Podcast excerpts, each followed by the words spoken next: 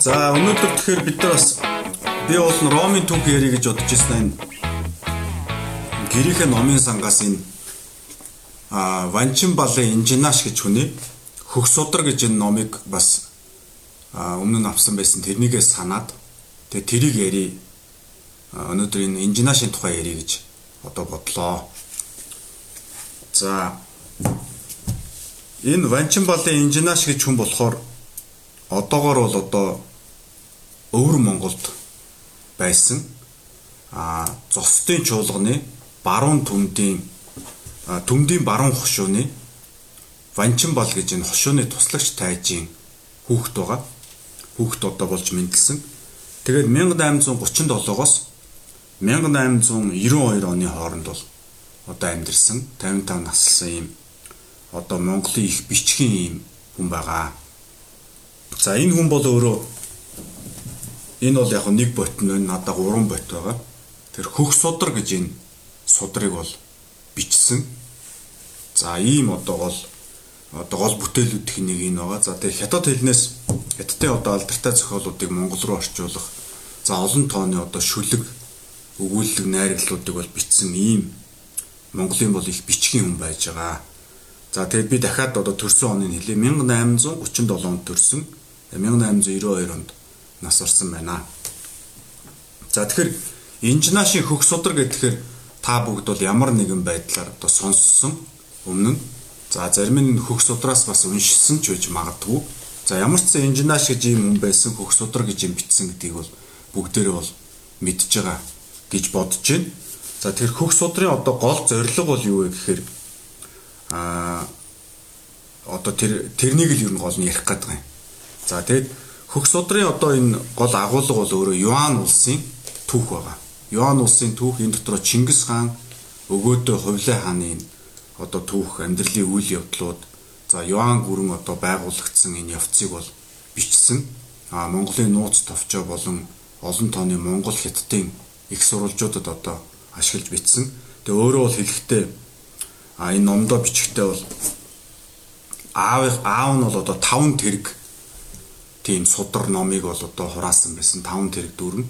А тэр дотор одоо Монголын бүх одоо ном судар бичгүүд байсан. Тэндээс одоо их сурвалжаа авсан гэж бичсэн байгаа.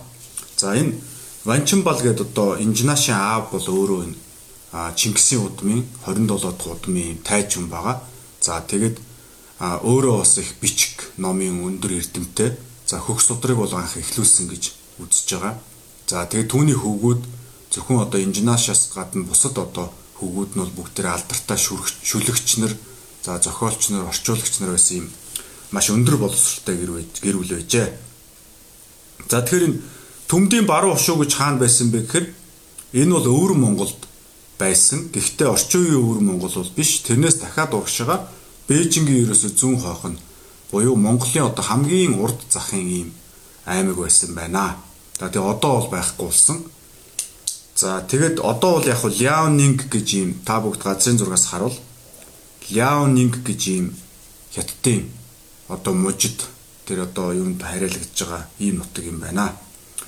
За тэгэхээр инженашиг одоо төрж явах үед бол энэ төмдийн баруун ушуу зостын чуулганд бол хятадын тариачид маш ихээр одоо нүүж орж ирж исэн. За энийг бол манжийн одоо төр бол хянч чадахгүйсэн. Ягаад тэгэхээр Ер нь бол одоо тэр үед 1800 одоо 70 за 30-аад он 20-аад оноос эхлээд ч юм уу ер нь бол одоо хятад бас том улс учраас манжийн төр бол хяналтаа их алдсан байна л да. За тэгээд энэ одоо хятадын а тариалангийн нөхдүүд газар тариаланчид а Монголын нутаг руу бол ихээр төрж суурш болсон байна. За ингээд ерөнхийдөө бол Монголын ноёдууд хятадын тариачдаас татвар авдаг. А Монголын нутгийг одоо ашиглаж тариалан тарьж байгаа гэдэг ийм эдийн засгийн харилцаатай ийм а одоо монголчууд нь ноён болоод хятадууд нь албат маягтай болоод ингээд хэсэг явсан юм байна. За тэгээ 1870-аад оны үед бол ерөнхийдөө мөргөлдөөн гарч ирсэн байна. Хятад тариачд бол одоо Монгол а нэр нь бол номиналны л да. Хятадууд бол өөрсдөө засаг захиргаатай байсан байна. Гэхдээ монголчуудын нутаг дээр байсан учраас Монголын ноёдод татвар төлдөг байжээ. За ингээд мөргөлдөөн гараад татвараа төлөхөө болсон. За газар нутгийг одоо малын бэлчээр газар нутгийг бол одоо улам ихээр төрж одоо авах болсон байна. За энэ 1870 оноос хойш явсараад 1891 онд одоо инженашиг нас орохоос нэг жилийн өмнө энэ Жиндандао гэдэг ийм хэрэг явдал болсон байна. Хятадын төвөнд бол хэрэг явдал гэж нэрлэж байгаа. За ер нь бол одоо орчин үед бол одоо хядлага гэх юм уу да устгал устгал гэдэг юм уу ингэж бас нэрлэж болохоор ийм юм болсон. Яасан гэхээр хятадын Жиндандао гэдэг ийм бүлэглэл улаан альчууртны бүлэглэлтэй холбоотой ийм бүлэглэл бол а зарим одоо их сурвалжид хэдэн 10 мянга гэж байгаа. За зарим их сурвалжид 150 мянга гэж байгаа. Зарим их сурвалжид бол 500 мянга хүртэл гэж байгаа юм монголчуудыг бол хятсан байна. Тэгэхээр одоо тэр Ляонинг гээд хятадын одоо нутаг болчиход байгаа энэ газар бол монголчуудын нутаг байгаад ингээд хятадууд бол одоо а ийм зэвсэгт үйл ажиллагаа явуулаад монголчуудыг хядаж за тэг үлдсэн хэсэг нь бол одоо хойшоогоо одоогийн одоо өвөр Монголын нутгаар бол зүхтаж орсон байна. За энэ хооронд бол энэ 1870 оноос эхлээд бол энэ а энэ инженаш тайжийн хуучин манчин бол тайжийн тэгээ инженаш тайжийн одоо нутаг бол ихээр сүйдсэн. За гэр одоо эд баялагийг нь бол одоо хятад зарцнаар нь бол дээрэмж ихсэн байгаа. Ер нь бол хулгайлж гисэн. Өөрөө тэрийг хөх судартаа бол битсэн байна те. Зарц одоо боолууд бидний эд баялагийг одоо дээрэмдэж байна гэх. Тэгээ 1891 оны энэ үйл явдлаар бол ерөнхийдөө үндсэндээ газар нутгаа алдаад тэгээд 1892 онд одоо энэ инженаш маань зүхтааж явж байгаад одоо гэр орноос ол явж байгаад ингээд нас урсан юм байна. За тэгэхээр инженаштай холбоотой ийм бас гонигтай түүх байдаг юм байна. Одоо магадгүй хэдэн зуун мянга тий багаар бол хэдэн 10 мянга ихээр бол одоо хэдэн зуун мянган ийм монголчуудыг хавцсан. За тэгээд манжийн төрд бол одоо Монголын ноёдууд удаа дараа хүсэл тавьсны эцэст бол одоо цэрэг хөдөлгөж хятадуудын бослогыг бол дарсан байгаа. За ингээд дарахтаа бас зүгээр байхгүй тэр нөгөө бослого дарах гэж явсан цэргүүд нь өөрсдөө бас монголчуудыг бас дээрэмдэж алж чадчихсан байна. За тэгээд эсэргээр нөгөө цэрэг цэргийг одоо ахалж явсан жанжин бол эргээд хаанд манжи хаанд мэдүүлэхдээ монголчууд өөрсдөө одоо болоогүй учраас ийм явдал болжээ гэж. А эргээд монгол ноёдууд нийлж манжи хаанд одоо бас зарга мэдүүлж яг үнэндээ бол хятадууд одоо газар нутг руу орж хятадууд монголчуудыг алсан гэдэг ийм юмыг бол бодит мэдээллийг өгснөөр ерөнхийдөө одоо энэ хэрэг явдал ингээд эцэс болсон байна. А тэгээ эцэст нь бол ямар ч тохиолдолд хүмүүсээ хадуулаад газар нутгаа ингээд алдсан юм. Тэгэхээр инженеаш гээд одоо бас түүхэндх маш том одоо бичгийн Монгол бичгийн их хүн хөх судар гээд одоо энэ бүтээлийг бүтээсэн а ийм хүн байна. Тэгээд өөрөө бас энэ 1837-оос 1892 он оны хооронд амьдрахдаа газар нутгаа одоо хятадуудад алдсан ийм харамсалтай гонхтой түүхтэй юм байна. За яагаад хөх судрыг одоо өнөөдөр ярих гээд инженаа шиг ярих гээд байгаа вэ гэхээр энэ хөх судрыг би нэг 8 э, 9 жилийн өмнө одоо авсан. Хүн надад бэлгэлсэн. За тэгээд би тухайд энэ оршлыг нь уншиж исэн. Энэ хөх судрын оршил одоо инженаши өөрх нь одоо оршил байгаа. Хөх судрыг би яагаад бичсэн бэ гэдэг өөрөө тэрийг одоо оршил маягаар бичсэн байдаг. Тэр нь надад маш их тухай сонирхолтой санагдаж байна. За яасан бэ гэхэд Энд ийм одоо өгүүлбэрүүд их байгаа. За би та бүгдэд уншиж өгье. За ингэж байна. Манай газрын хянамгайгүй ард өөрөө өөрийн монгол үг ба үсгээр туйлд хүртэл хичээн хянахгүй бөгөөд нэгэн хоёр иргэн хятад үсэг таниас даруй монгол үсгээ басамжлан монгол үсгээр иргэний санааг бүртгэн гаргаж хэрхэн чадмуу хэмээн амны аяар чалчмуу гинэ. Тэгэхээр энэ юу гэж байгаа вэхээр манай монголчууд өөрсдөө өөрийнхөө монгол бичиг үсгээ мэдэхгүй байна. За тэгэд одоо хятад үсэг хятад бичиг сурсан зарим монголчууд бол а хүний одоо санаа ойлголтыг бол монгол үсгээр гаргаж чадахгүй хятад үсгээр гаргах нь хамаагүй амархан гэж амны аяар чалчиж байна гэж. Тэгэхээр энэ номд бол иймэрхүү зүйлс бол маш их байгаа. Тэгэхээр ерөөсө хөх судар гэдэг бүтээл нөгөө түүхийн хичээл дээр инженеаж гэж хүн байсан хөх судар гэж бичсэн. Тэдэн он төрсөн тэдэн он нас орсон гэл 10 жилд үзээд дуусч байгаа шүү дээ. Гол нь энэ ч л нөгөө түүхийн одоо учир дутагдaltaй түүхийн хичээлийн л гол асуудал. Яах гэж хөх судрыг бичсэн юм бэ? Инженашийн одоо тэмцэл зорилго юу байваа? Энийг л 10 жилийн хүүхдүүдэд заах хэрэгтэй. Заахгүй зүгээр нэг юм түүхч маягийн те тэд онд төрсөн, тэд онд өгсөн инженаш гэж нэг хүн байсан, хөх судар гэж юу ч юм бүүмд хийсэн байх. Тэгэл болоо. Тэгэл асуугт нь онц те инженаш хэдэн онд төрсөн? 1837 онд суу ийм байдалтай одоо ингэж явж байгаа нь өөрөө үнэхээр одоо харуулсалтай. Монголын боловсролын систем бол одоо дампуурсан, дампуурх байтугай сүрсэн. Тэгээ өнөөдөр энийг бол одоо юу гэдгийг олон улсын зөвлөхүүд ирээд Монголын боловсролын системийг үнэлдэг, дүгнэлт гаргадаг. Тэгэх болгондоо одоо Африкийн зарим улстай харьцуулбал танаа улс боловсрал байна. Боловсрал үнэгүй байгаа нь маш сайн байна. Бүх хүүхэд одоо боловсрж байгаа нь мундаг байна гэх мэтэр одоо ингэж хоосон хөөргөж худлаа хошгоруулж одоо ингэж 30 жилийг үдлээ. А тэр Африкт чинь улс байгаагүй шүү дээ 800 жил юм. 500 жилийн улс байгаагүй. Тэр чинь ерөөсөө саяхан одоо нүцгэн шалтан гүйлдэж явсан улс. Тэгэхэд төрт ёстой дэлхийг захирч явсан. Өнөөдөр орчин үеийн одоо Америкийн нэгдсэн улс гэдэг шиг дэлхийн бүх одоо хаад ноёдыг томилдог, газар бослогыг дардаг тийм Иракийг Америкууд эзэж чадсан уу? Чадаагүй. Афганистаныг Америкууд эзэж чадсан уу? Чадаагүй. Талибанчуудыг буулгаж чадсан уу? Чадаагүй. Террористууд буулгаж чадж гэнэ үү? Чадаагүй. Энэ бүгдийг дэлхийн түүхэнд ганц л улс эс. Оросууд Афганыг эзэж чадаагүй шүү дээ. Оросууд чадаагүй. Тэр 80-аад онд бол дэлгэв зохиолоод гарсан. Тэгэхэд монголчууд тэр уулын өвгөнгээ террористуудыг бүгдийг нууг үнцээр нь сөөрүүлж ирсэн. Ирак, Афганыг тэгштгэжсэн.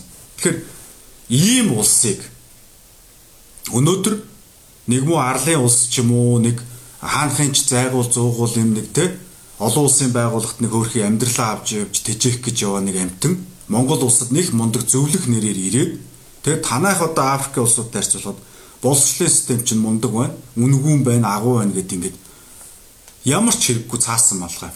Тэгэхээр манай боловсролын систем бол 0 суурьсан. Энийг бид нар босгох хэрэгтэй. Би суурьсан гэдэг нь ямар утгаар ярьж байгаа вэ гэхээр би багш нарын хөдөлмөрийг одоо үгүйсгэж байгаа юм биш. Би энэ системийн бодлого, боловсролын яам, тэ боловсролын сайд энэ төвшнөөс явуулж байгаа бодлогын төвшин, энэ төр ерөнхий сайд боловсролоо анхаарч байна. Энэ төвшнөөс ирж байгаа. Тэгэхээр энэ хөх судрыг Монголын хүүхд толгой ойлгох хэрэгтэй. Юуг нь ойлгох хэрэгтэй вэхээр яах гэж битсэн, яагаад битсэн, инженеаш гэж хүний одоо тэмцэл зориг юу байсан бэ гэдгийг бид нар ойлгох хэрэгтэй. За тэрийг л өнөөдөр одоо ярих гэдэг хэдүүлээ. За би түрүүн бас нэг юм ярьсан. За одоо бас нэг зүйл уншъя. Энэ бүгдийг нь одоо бас тэмдэглэж чадахгүй байна. Айгүй олон ингэж бичсэн байгаа. За энд ингэж байна. За.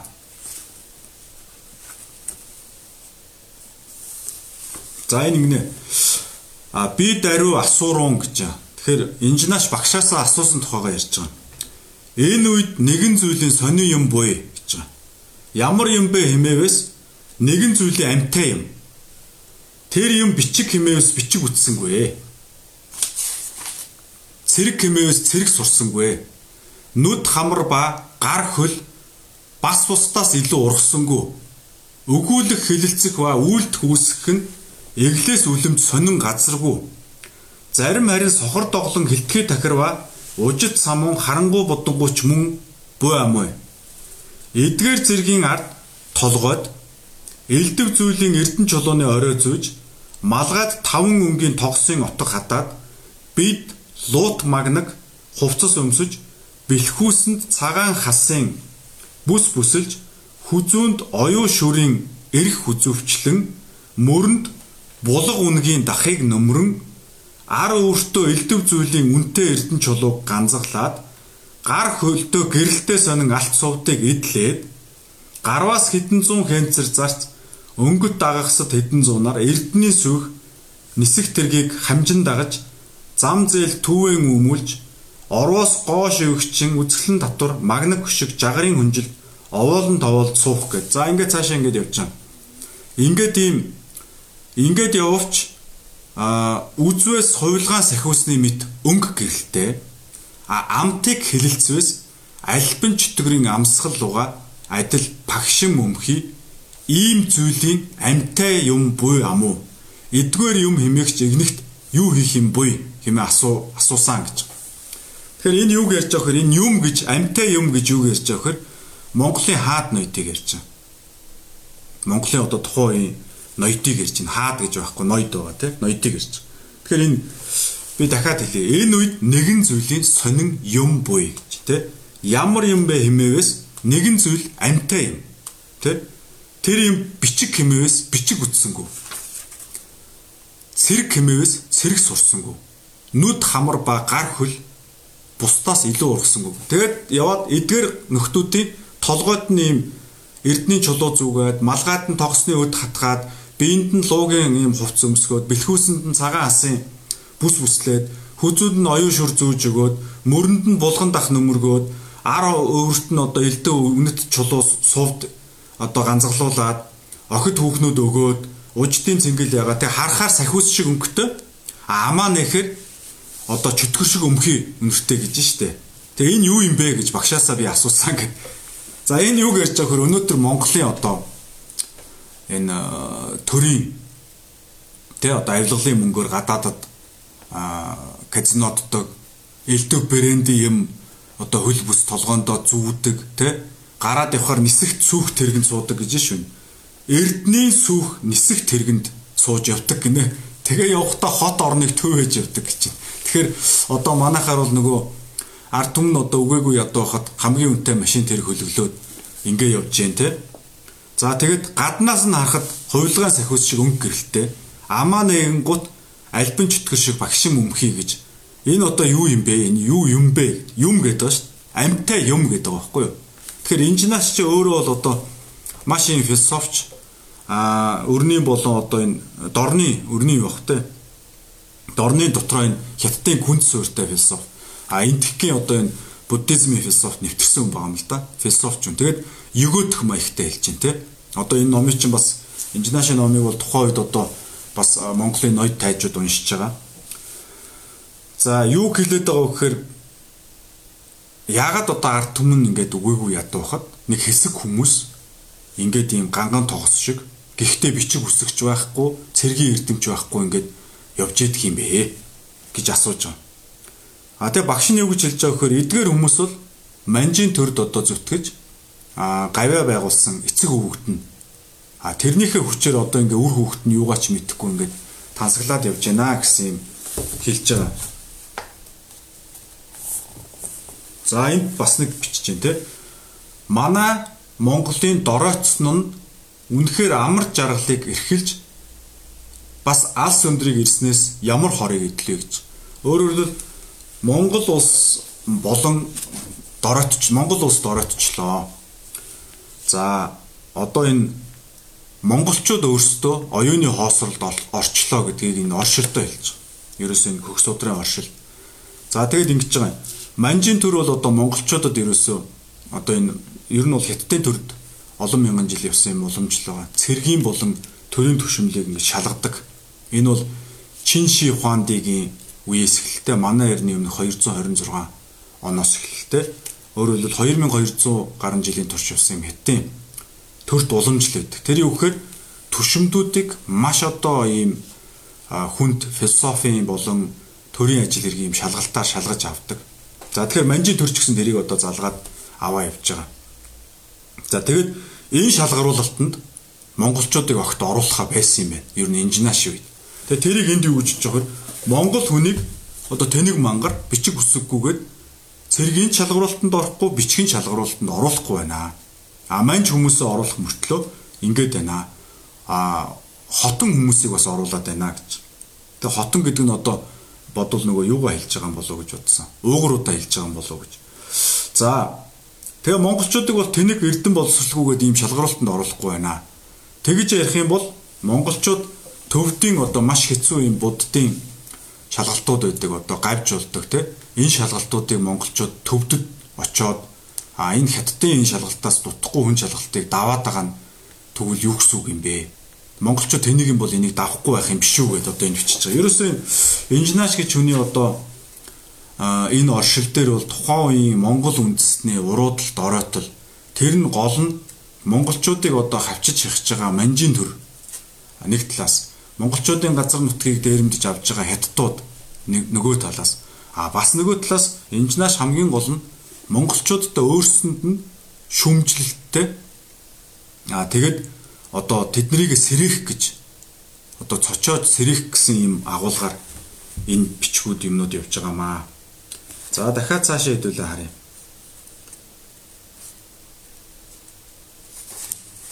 За ингэ чинь Хятадын одоо элдв судар бичгт бол одоо Монгол гэдгийг бол Мэнгүү гэж бичдэг. Тэгээ энэ бол ерөөсөө одоо энэ монголчуудыг доош нь хийсэн юм утгаа гэдээ энд бичсэн байна. За тэгээд тэрнээс цааш нь ингээд Хятадын их суртахуу гэж бичиг байна. Тэрэнд өгүүлж байна. За тэгээд Монголын тухай бичсэн байна. Хятадын тэр сударт. За үзтэл манай Монголын газрын мууг гаргаж тооч бас гэж. Тэргүүнд нь газар орон шороонд хөрсгүй салхи тэгдвэс шар хумаг хийсэн тэгдэж тэнгэр газар нийлмүй. Бас уул нь оройгүй хад нь үндэсгүй. Хаврын шуургана улайтал шуурч өөр газарт давшин ичмүү. За хоёрдугаарт ус нь урсгалгүй зуны хурын усч битүү нуур тономлт хурмой. Гуравдугаарт цагийн амьсгал нь хүйтэн жихүүн. Дөрөвдүгээрт нарны ээлт хол алс цас хяруу эрт үр жимс урахгүй гэж. Тавдугаарт Хүний идэх нь мах цус сүү тосоо гэж. 6 дугаарт өмсөх нь арьс хөрс нэхийн унгас гинэ. 7 дугаарт хүний зан нь хэдүй чигч шулуун боловч сэтгэл сэтгэл нь атгахтай зан нь цухал явдал нь цөлөс санаа нь битүү гинэ. Тэр яг орчин үеийн монгол хүн бас харагчлаа юм л да. Яг чигч шулуун юм шиг боловч сэтгэл нь атгах тийм үү. Зан нь цухал гэдэг нь их уур уцаар ихтэй явдал нь цөлс гэдэг нь одоо цочмог түргэн emotion, эмоц ихтэй л гэсэн үг л дээ. Санаа нь битүү гэдэг нь юу одоо зэдээд байгаа нь бас ойлгохгүй гэсэн. За 9 8 дугаарт төрхөн түгдэг тагдаг харангуй буранхуй хэлэлцгэн хэрцгий догшин омгорхог бардам гинэ монгол хүмүүсийг ярьж байна. За 9 дугаарт байдал нь болох бүдүүлэг сүрхий муухай явдал нь огт бад бод бат үгүй тэнэг оморхог баахан байвч урт хол зүрх цөс үгүй гинэ. Энэ хятадууд бичээд байгаа шүү дээ монголчуудыг хийж тэрийг энэ инженеаш бичиж जैन тий сэрүүлээд. Тэр энэ ингэсэн байна. Бас сонирн байж магадгүй. Хятадууд монголчуудыг юу гэж дүгнжсэн. За ингэж штэ 9 дугаар те тэнэг омгорхог баахан байвч урт хол зүрх сөс үгүй гэж. Энэ бол бас өнөөдөр бас бидэрт байгаа зүйл. Нэг юм оолцдог те. Нэх их сүржигнээ сүр бодруулаад алаад үгүй, хядаад үгүй. Ингээ тэгээ сайхан твиттер дээр нэг аавдаа зодуулсан хүн орцонд байж гисэн чинь аавынх нь хаягийг үгүй одоо очиод алаад үгүй ч гэх юм уу. Тим твиттерийн юмнууд явчих. Тэгэнгუთ боловч урт холын зүрх сөсөв. Өөрөөр хэлбэл урт хол ингэж юмаа төлөвлөөд тууштай явж чаддгүй. Зүгээр л нэг юм зүрхний цохилчил ингээд байна л гэсэн санаа. Энэ бол бас байдаг. За 10 дугаарт хүч маш сайн бөгөөтөл өн удаан зөриг тамиргүй гинэ. За эн чинь одоо манай нөгөө олимпиад орж байгаа тамирчид бүхний тамирчид дээр их хараг. Хүчтэй гэхдээ зөриг тамиргүй тий ийм сэтгэл зүйн үед ингээд эмоцлоод байдаг. За гих мэтлээ ингээ монголчуудыг баахан доош нэгэ биччихээ. За тэгэд инженеаш юу гэж өгөхөр за хятад хүмүүс монголчуудыг ингэж хийж бичиж байна. Тэгэхээр энэ хүмүүс дундаас чинь богд Чингис гэж хаан гарч ирээд хятадуудын чадаагүй зүйлийг чадсан. Хятадуудын хүрээгүй нутагт хүрсэн. Хятадын ямар ч том агуу гүрэн одоо дөрвөн далайг эзэлсэн гэж ярьдаг, дөрвөн хязгаарыг эзэлсэн гэж ярьдаг боловч төвдөөс цааш хитэрж үзээгүй. Солонгосоос цаашаа гарч үзээгүй гэдэг энд ном дээр бичсэн байна. А монголчууд бол Чингис хааны удирдлаганд орвол а хүний одоо хурж болох хязгаарт бол хүрсэн. Хизээч одоо уулзаж үзээгүй улс орныг бол захирж дагуулж татвар голчоор авч ийсэн. Тэгэхээр тэр нөгөө бүдүүлэг муухай гэдэг хүмүүс дундаас чинь ийм хүмүүс гарч ирээд тэр хүнийхээ удирдлаганд ор монголчууд ингэж дэлхийг байлдан дагуулсан байна гэд. Ингээд хөх судар нь эхэлж байгаа. За тэгээ хөх судар бол түрүүн би ярьсан одоо нууц толчоотой бас зарим талаар төстэй. А энэ Чингис хааны одоо одоо тэр улс орноо нэгтгсэн тэгээд өгөөдөө хувлаа гэж цаашгаа яваад юан их гүрнийг байгуулсан. За тэгээд өгөөдөө хэлсэн үгнүүд, хувилан хэлсэн үгнүүд гээд бүгдийг нь одоо ингэж Монголын хаадуудын одоо тэр мэрэгэн цэцэн ухааныг бол харуулсан юм гурван бот ийм зохиол байна. За тэгэхээр өнөөдөр бид нар ярьж байгаа бол асуудал бол энэ хөх судрыг яах гэж яагаад бичсэн бэ? Инженеаш гэдэг хүний амьдралын зорилго тэмцэл юу байваа? Энэ хүний амьдрал одоо ямар одоо юмн дунд өнгөрч одоо ямар одоо гэрэл төшөөг биднэрт босгож үлдээвэ гэдэг ийм асуудал ярьж байгаа. За, комментууд авъя. Тэр хооронд бас нэг 4 5 хүмүүс коммент хийж байна үз. Айргнуудаа жоох уу.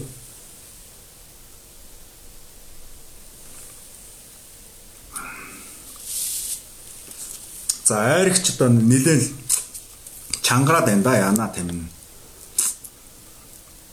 Одоо тэгээ нэг сар мар болохоор юу болох юм чи та. Хөлдөөгөөд хөлдөөгөөд би бас хадгалаад байгаа. Хөлдөөчүүл арай гайг байх гэж бодож байна. Аа тэгээд таргаар бас айрыг эсгчиж болдгийм байлээ их амархан юм шиг үлээ. Тарг аваад миний ойлгосноор дээрээс нь сүү холж жагаад эсгчдэг юм уу та. За тэр юу технологиг олж мэдээд бичнэ хуудсан дээрээ.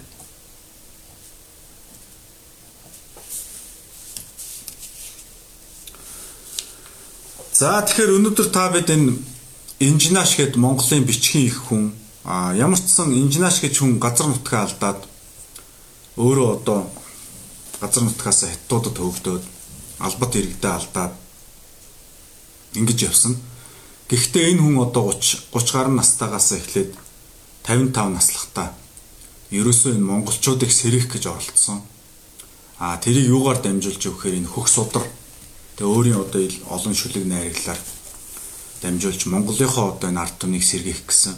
Яагаад тэгэхээр Монгол хүмүүс одоо өнгө мөнгөнд одоо ноёд таадууд нь хууртаж те манжи хаанаас өгч байгаа одоо элдв шан харамж торох дуртан одоо манай орчин үед бол одоо машин тэрэг хүүхэн шуухан одоо сая өгцөг бацлаа гэж явж байна. Энд ч одоо энийг нэг илэрсэн шүү дээ ер нь.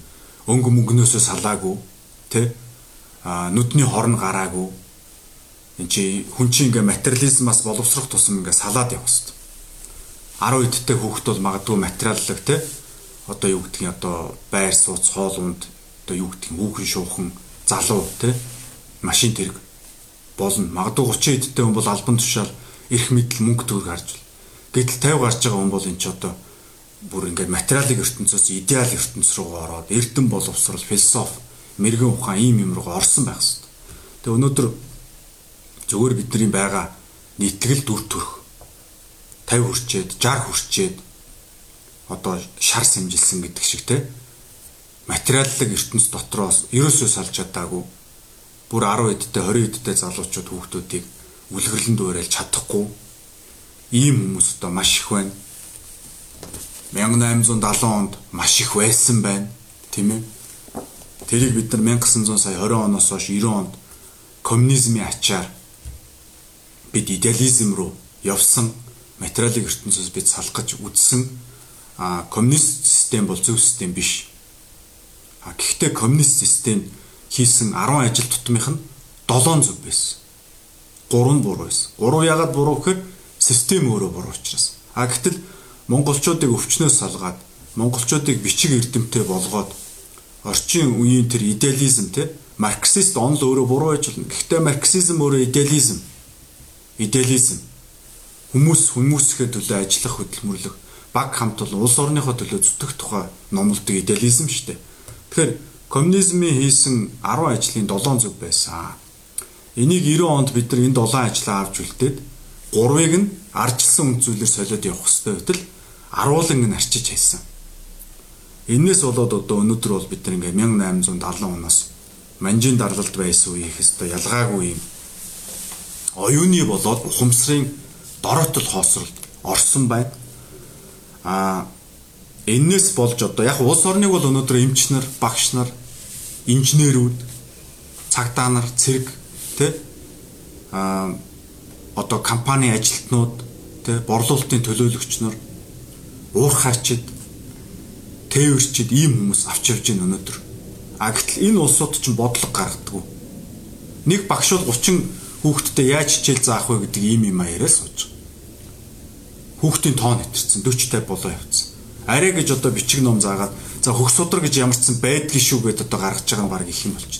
Гэтэл бид эдгээр жоохон чиглүүлээ тэр хүмүүс жоохон одоо тэр багш нарыг зэвсгэлж өгөөд хэрвээ боловсролын яам нь тэрэнд нь одоо тэр боловсролын яам, эрүүл мэндийн яам тийм ээ. Тэр сангийн яамд нь аятайхан хүмүүс ирдэг бол тэр зээлийн хүүгээ нэг оронтой тоонд нь оруулаад төгрөгийнхөө аншиг одоо хэдэн зуун дахин суллаа 2600 хүртэл алдахгүй. Яхаар одоо Монгол төгрөг гэхээр ийм новш шиг цаас шиг унжээдгийн те. Тэгсэн мөртлөө өөрсдөө онгоцонд одоо ингээд өгцөг бацаад явж. Гэтэл тэр хүн юу хийх ёстой? Тэр хүн шүүхийн шинжил хийх ёстой. Өнөөдөр шүүх шудраг биш вэ?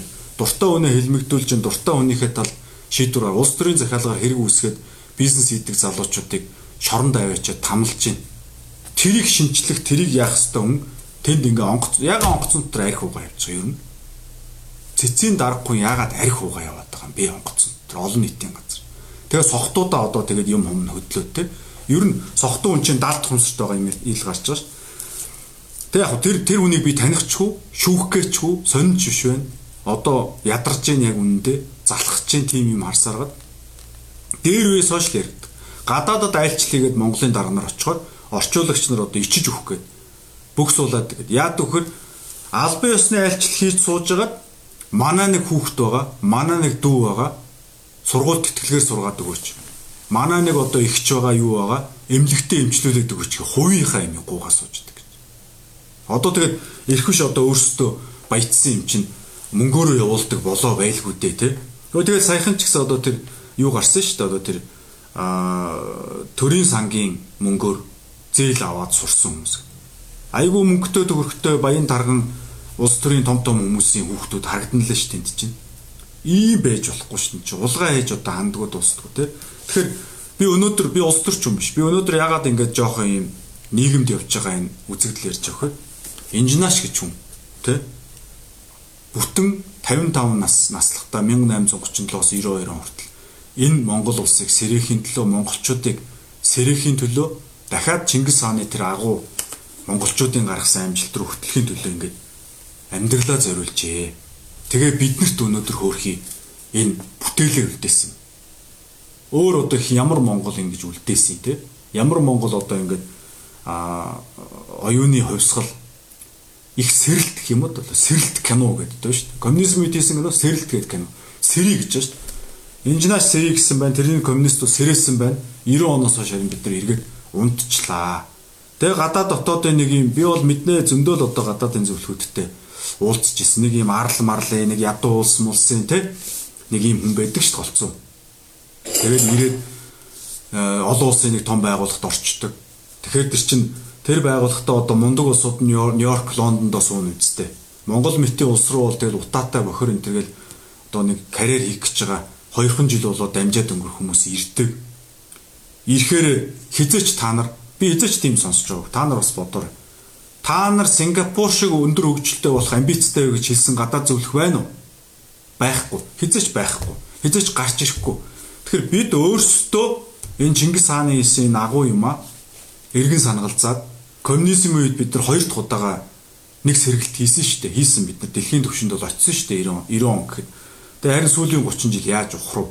Тэгээ одоо одоо тэр одоо олон улсын одоо тэр нөхдүүдийн хэлж байгаа юм бол ерөөсөө л тэр ядуу улсууд дундаа дундаж ядуу улс болох зорилго дэвшүүл. Гэхдээ юу гэсэн үг юм бэ?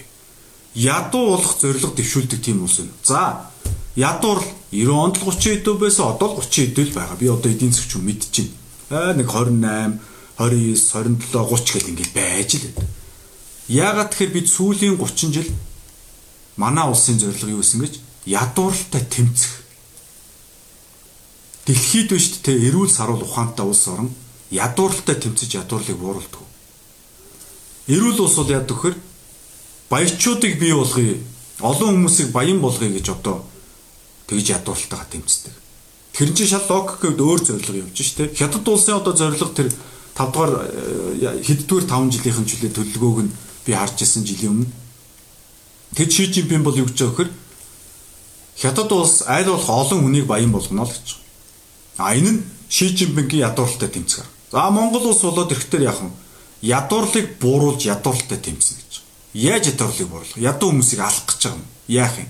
Гурил өгөх юм тий? Ямар ч утга учиргүй ийм гадны зөвлөгтөөр суурилсан гадны зүгээр нэг ийм хоноц тий? Хоноц.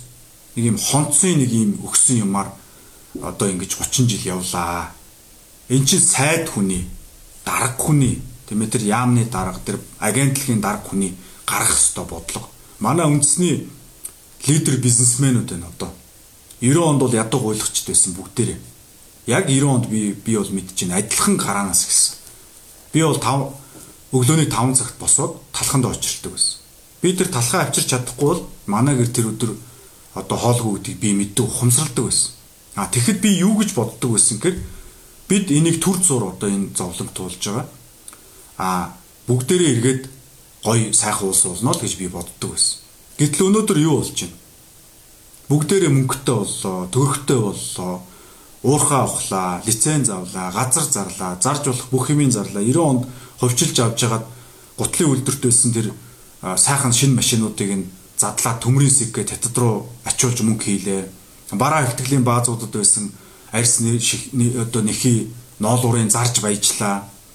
Газар тариаланд газрын гүнд булцсан байсан ган хоолой услахааны системүүдийг нь бүгдийг нь одоо задлж аваачаад хятад руу төмрийн хог гээд хятадын одоо хөгжил өсөлтийг дэмжлээ өөрсдөө мөнгө хийлээ. Одоо нас 50 гарлаа. 60 хүрлээ. Одоо улсаа одоо Рокфеллер шиг. Одоо улс орноо гэгэрүүлээ. Одоо эргэж хараа хуу хүн чинь болсон. Энд инженеаш бичсэн байна. Тэ?